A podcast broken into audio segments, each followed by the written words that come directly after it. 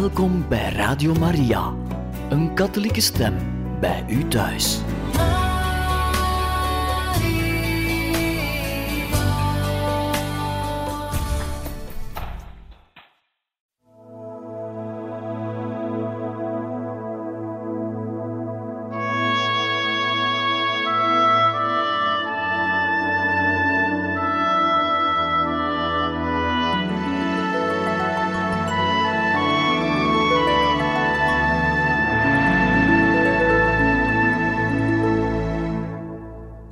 Beste luisteraars van Radio Maria, welkom in het programma Heiligen Getuigen. Wij lezen u verder voor uit het boek Wij worden geboren om nooit meer te sterven, waarin we het verhaal horen van Chiara Corbella Petrillo. En we zijn gekomen aan de laatste fase van het leven van Chiara, de laatste dagen. Angelo was in deze maanden altijd aanwezig. Als dokter was het niet gemakkelijk om deze atypische patiënt bij te staan, die niet klaagde en niet alle aandacht voor zichzelf wilde. Het was zelfs moeilijk om haar pijngrens vast te stellen. Terwijl hij haar tijdens deze uren hielp, deed Chiara hem denken aan Uria de Hethiet, koning Davids generaal en de man van Bathseba die ook in dronken toestand trouw bleef aan zijn leger. Op dezelfde manier hield Chiara vast aan het rechte pad. Het lijden dat haar uitperste, moest noodgedwongen tonen hoe ze echt was. Chiara had zich dus wanhopig kunnen tonen, maar in plaats daarvan bleef ze stabiel. Onder de molensteen gaf ze het beste van zichzelf. Ze vertelde ons dat er, ondanks haar ziekte, op stond om mooi te zijn voor Enrico. Ze lette erop om zich niet te laten gaan en zich te bekommeren om haar kleren en uiterlijk. Ze waren verliefder dan ooit. Chiara zei ons dat we gelijk hadden wanneer we hun, voordat we trouwden, zeiden dat alles met orde zou verlopen als we het huwelijk op de eerste plaats zetten. Dat was precies wat ze ondervonden. Die dagen samen voor hen waren heel mooi. Ze zeiden dat ze het gevoel hadden dat ze op vakantie waren. Op een morgen had Pater Vito de mis gevierd. En er waren ook een paar Franciscaanse zusters van Ons Lieve Vrouw van Smarten le suore franciscane della Adolorata, die sinds haar verloving dicht bij haar gebleven waren. Het was vanuit hun huis in Assisi dat Chiara in haar bruidskleed vertrokken was op de dag van haar huwelijk. Het was mooi om elkaar daar allemaal weer te zien. Tijdens het deelmoment na het evangelie zei Chiara Soms lijkt het dat ik God in herinnering moet brengen dat ik ook grenzen heb. Hij duwt me steeds verder. Wanneer ik hem dat zeg, zegt hij me dat ik het volgens hem wel aan kan. Maar als het nu niet goed voelt, kan ik wachten en het later doen. Het was heel mooi om haar te zien zingen en spelen voor haar Heer. Op een dag, terwijl we een ijsje aan het eten waren, zag Chiara kans om een grapje te maken met Christiana en haar te plagen. Christiana was aan het twijfelen welke smaak ze zou kiezen voor het ijsje. Chiara zei daarop: Niet te veel vragen stellen, neem gewoon het ijsje dat komt. Je hebt iets roods gezien, je dacht dat het aardbei was en je hebt het niet genomen. Als je vertrouwen had, dan zou je nu de watermeloen vastgehouden hebben, de smaak die je het lekkerst vindt. Zo werkt het. Je neemt zonder gedoe wat je gegeven wordt, en daarna ontdek je dat je juist dat in je handen hebt wat je het liefste hebt. Ze liet nooit een gelegenheid voorbijgaan om de dagelijkse realiteit om te vormen. Chiara was voor drie dingen bang: de pijn, het braken en het vage vuur. Ze zei nooit: Ik ga naar het paradijs, omdat zij bang was dat ze eerst naar het vage vuur zou gaan. Ze vloog hoog, maar ze was zich bewust van haar zonden en van de hemel boven haar. Tijdens de voorbije maanden was ze al ongerust en vertrouwde ze Christiana toe dat ze misschien tot nu toe geen goed gewetensonderzoek had gedaan. Ze hoopte op Gods barmhartigheid, maar niets verzekerde haar dat alles in orde was. Ze vertelde dat, wanneer ze te biechten was gegaan, de priesters haar vaak enkel met een zegen naar huis stuurden, omdat ze geen zonden gevonden hadden waarvoor de absolutie nodig was. Voor haar was dat een grote teleurstelling. Ze ging hier niet mee akkoord en ze dacht dat ze zich niet goed uitgedrukt had. Enkel Pater Vito kende haar goed, zei ze, en kon haar begeleiden bij een goede biecht. Op 9 juni was het sacramentsdag. Het evangelie ging over de apostelen die aanwijzingen kregen om het paasfeest voor te bereiden. In het schuurtje waren veel kinderen. Ze maakten uiteraard veel lawaai, en in Chiara's situatie was dat niet prettig. Maar tijdens de voorbeden dankte Chiara voor alle kinderen die erbij waren en voor hun stemmetjes, omdat ze, zoals ze zei, toonden dat we op elkaar lijken. Wij hebben ook onze grillen wanneer we aan God willen zeggen wat Hij moet doen. Daarna bad ze om vertrouwen te kunnen hebben in de bevelen van de Heer. Als we die volgen, worden we nooit teleurgesteld. Deze kans om te klagen had ze omgevormd tot een lofprijzing van de Vader. Ondanks het protest van Pater Vito overtuigde Chiara hem om die avond naar Cagliari te vertrekken, waar zijn broer met zijn familie op hem wachtte. Ze zei dat ze op hem zou wachten. De avond van de elfde had Enrico ons gebeld om te vertellen over Chiara en over hoe het met hem ging, zoals hij wel vaker deed. Hij zei dat zijn vrouw leed en dat ze wat tijd met ons wilden doorbrengen. De volgende ochtend, op 12 juni, zijn we naar hen gevlogen. Chiara kon nog gaan zitten en ze was blij om ons te zien. Tijdens die uren begon ze echter achteruit te gaan. Ze voelde zich alsmaar slechter en haar krachten leken haar te verlaten. Enrico was prachtig tijdens deze beproeving.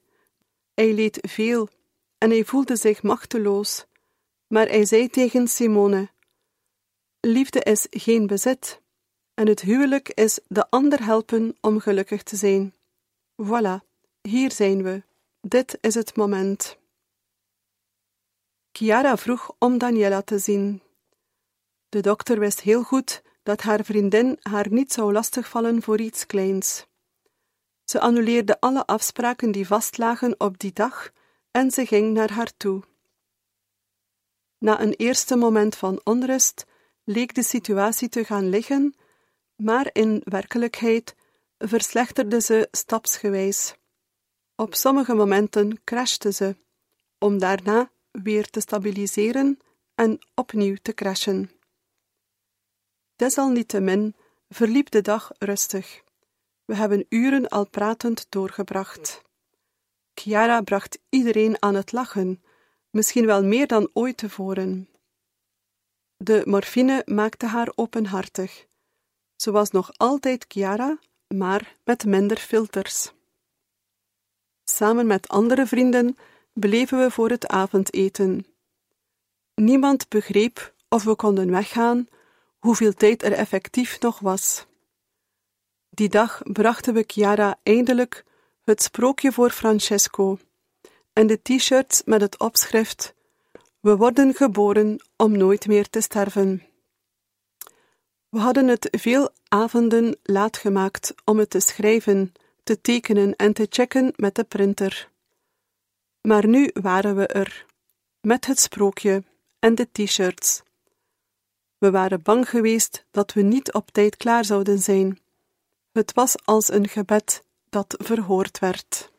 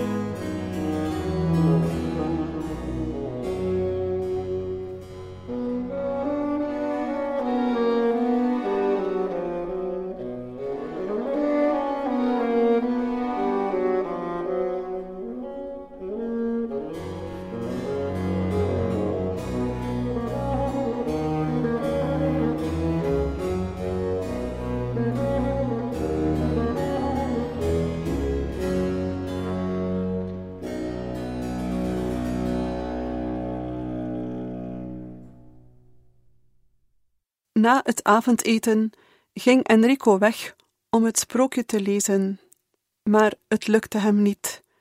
Hij huilde te veel. Hij riep ons en vroeg ons om het te lezen. We stonden met Enrico aan Chiara's bed. Simone articuleerde elk woord.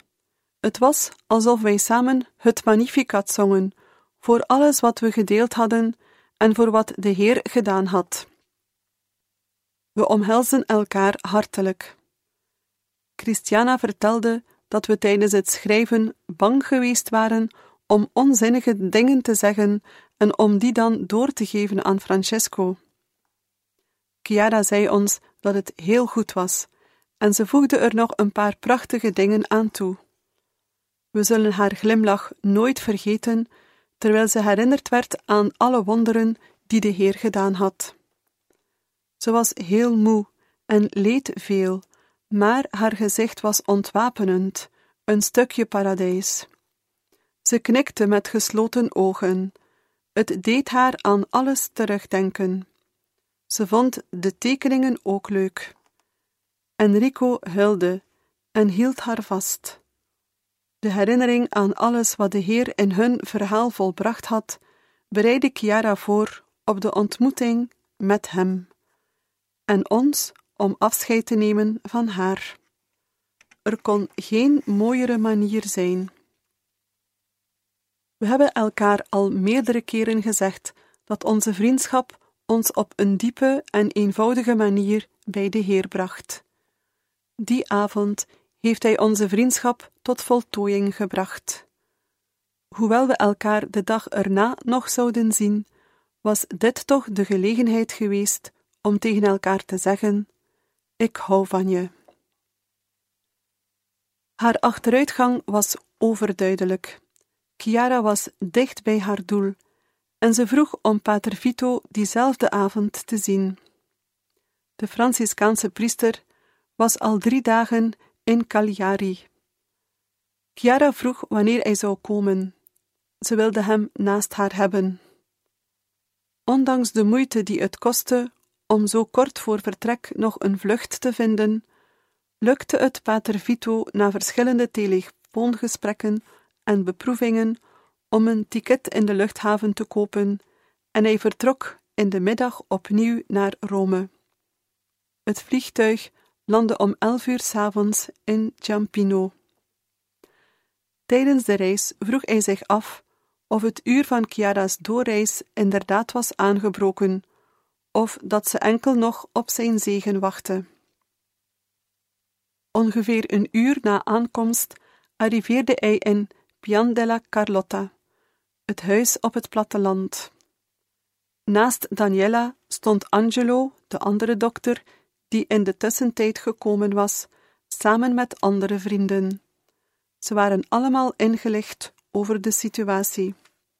En Chiara zou inderdaad een paar uur later haar doodstrijd beginnen. Toen Pater Vito in Chiara's kamer binnenkwam, was het voor haar een heel intens moment. Het feit dat ze hem voor haar zag staan, maakte haar zo emotioneel dat ze een paar seconden stil en verbijsterd was.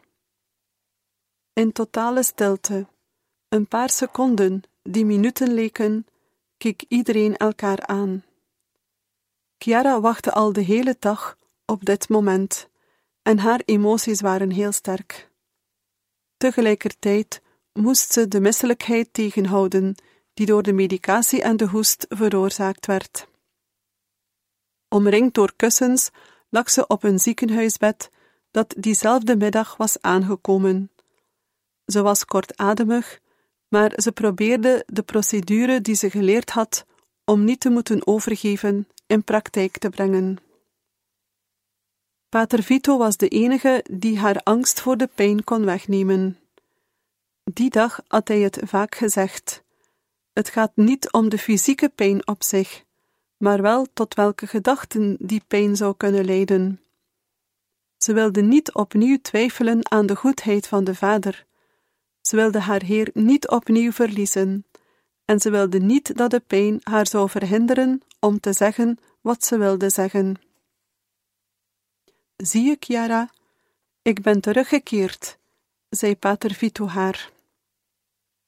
Naast haar stond Enrico, die met een tedere blik deze scène bijwoonde, nat van de tranen. Vito stelde haar gerust en zei haar dat ze net als Jezus op het kruis in staat zou zijn om haar zeven kruiswoorden uit te spreken. Ook zij zou alle kracht hebben om te zeggen wat ze moest zeggen en haar missie tot vervulling brengen. Ook zij zou in staat zijn om aan haar dierbaren: Ik hou van jullie te zeggen. Chiara vond de woorden terug en ze maakte een grapje. Ze was nog altijd wel overwogen en beheerst in haar emoties, en ze zei nu alles wat ze te zeggen had. Met woorden en omhelzingen sprak ze haar liefde uit voor de mensen die haar nabij waren. Ze dankte iedereen voor zijn of haar rol in dit verhaal. Het was laat en ze was heel moe. Maar Pater Vito maakte op haar uitnodiging alles klaar dat nodig was voor de mis. Enrico zou zeggen dat deze mis het waard was om er een heel leven voor te hebben geleefd. Chiara zo verliefd te zien op God was prachtig. De mis werd in de kamer gevierd waar ze sliep, een kleine kamer die veranderde in een geïmproviseerd, schitterend kapelletje. Tijdens deze nachtelijke liturgie werd het gebed verhoord dat Chiara op 4 april tot de Vader gericht had, zo'n twee maanden eerder. Toen ze haar gezegd hadden dat de geneeskunde niets meer voor haar kon doen, was zij samen met haar man naar huis teruggekeerd. Ze zag de verdrietige en ontmoedigende gezichtsuitdrukkingen van de mensen die haar graag zagen. Zo zou het niet lukken. Toen had ze aan God gevraagd om haar lijden te veranderen in een dans. Op 12 juni, in een sfeer van gehuil en feesten tegelijkertijd, lieten de personen rondom haar inderdaad de werking van de genade zien, die hun begrafenisgezichten veranderde in stralende gezichten van ontroering. Chiara was gelukkig, mooi en stralend. Ze sprak en lachte met de aanwezigen in een sfeer van buitengewone sereniteit. Het evangelie was van Matthäus, de episode waarin Jezus tegen zijn leerlingen zei: Gij zijt het zout der aarde, gij zijt het licht der wereld. Chiara was er slecht aan toe, maar haar gezicht zei dat de pijn opnieuw opgetild werd alsof iemand de last samen met haar aan het dragen was. Ze had aandacht voor elk woord. De setting van de homilie was een dialoog met Chiara. Pater Vito vroeg haar of dit licht van de wereld, dat om niet verborgen te blijven op de standaard gezet moet worden, Jezus is. Chiara knikte. Daarna vroeg hij haar wat Jezus standaard is. En ze zei: De standaard is het kruis. En dan zei hij tot haar: Chiara, je straalt licht uit, want je bent op de standaard met Jezus. En Chiara, die zich voordien wat afschermde, vertelde Pater Vito, liet een prachtige glimlach zien en bevestigde: Ja, zo is het. Chiara's gezichtsuitdrukking zei: het is me gelukt. Tijdens die uren werd alles volbracht. Chiara had deelgenomen aan de diepste intimiteit met de Vader. Ze was Gods vriendin geworden. Door haar lijden nam ze deel aan Jezus' kruis. Zoals Lazarus ging ze het nieuwe leven binnen.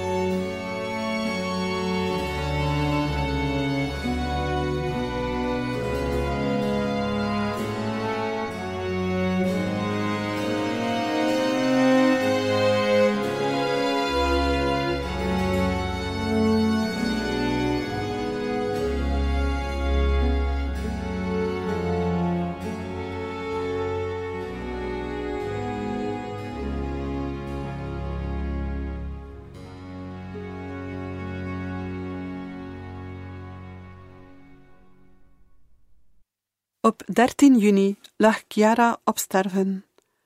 Ze had de hele nacht met haar zus Elisa gepraat. Dat was voor deze avond maar één keer gebeurd, aan de vooravond van haar huwelijk. Tijdens de uren die ze samen doorgebracht hadden, had Chiara aan Elisa verteld over haar verwondering en ontroering over de liefde die Enrico haar nog altijd toonde. Hoe hij zei dat ze mooi was, ook al zag zij zich in dit lijden helemaal niet zo. Enrico herhaalde het onophoudelijk. Wat ben je mooi, mijn schat.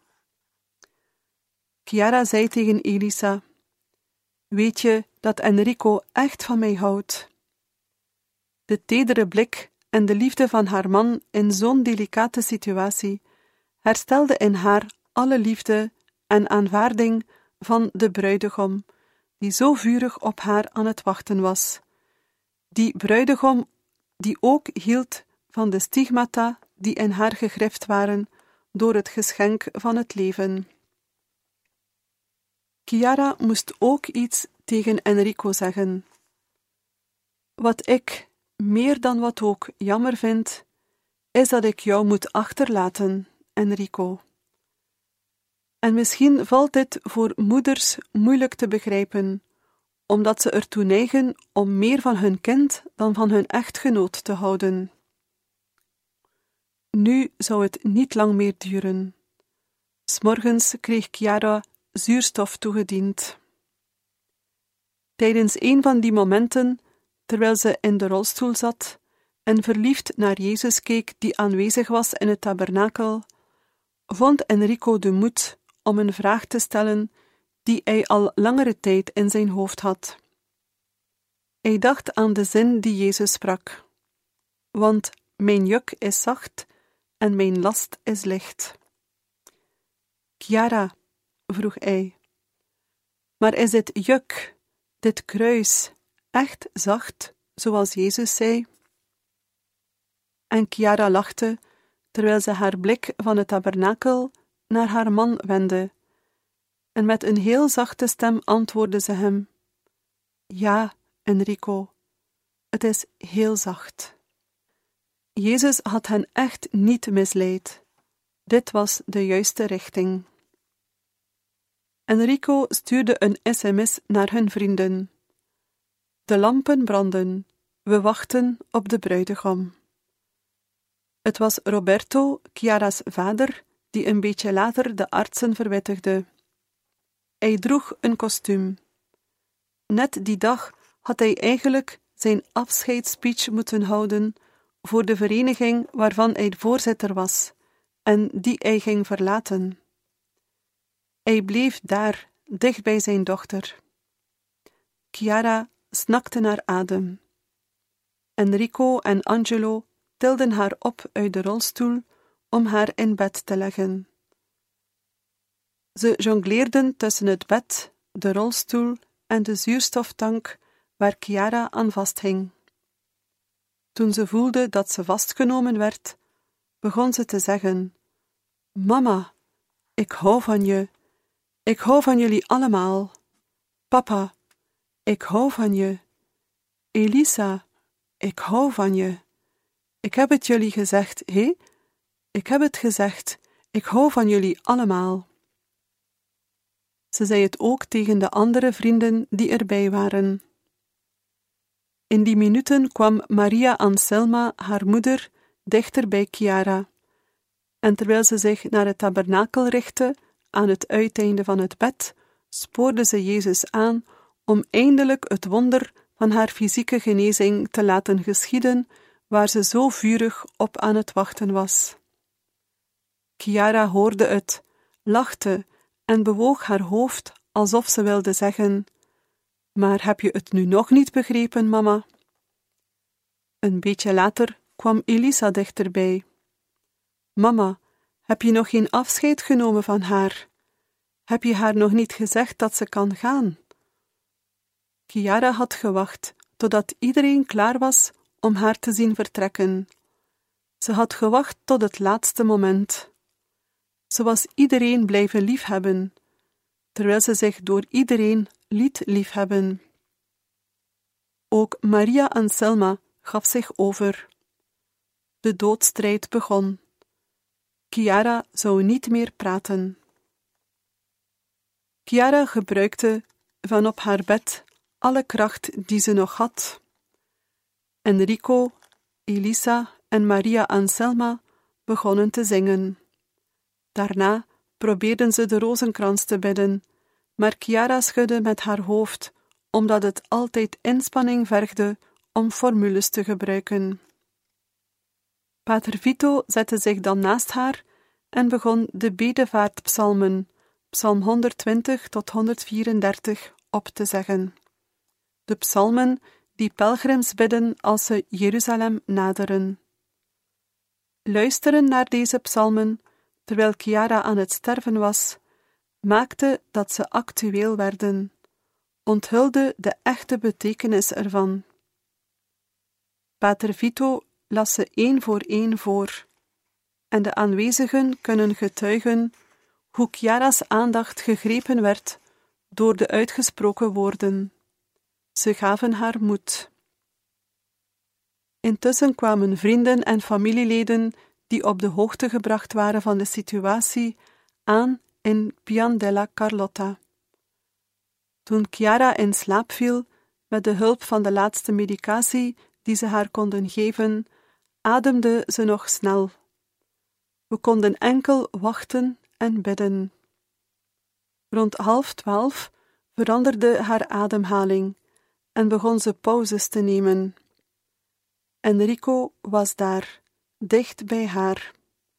Hij hield haar hand vast tijdens deze laatste minuten. Hij stond haar bij tot het einde en fluisterde: Vredig ga ik liggen, en ik val onmiddellijk in slaap. Gij alleen, Heer, doet mij veilig rusten. Daarna loste haar ziel op, zoals het zout dat smaak geeft. Chiara stierf om twaalf uur in haar kamer, bevrijd van de angst om te sterven. Ze was 28 jaar. Ze had gewacht totdat iedereen klaar was om haar vertrek te aanvaarden, klaar om haar te laten gaan. In de kamer ernaast, die helemaal vol zat, hulde iedereen van ontroering, maar zonder wanhoop. Enrico, die naast zijn vrouw zat, nam zijn gitaar en begon te zingen. Naast hem stonden ook Chiara's ouders en haar zus.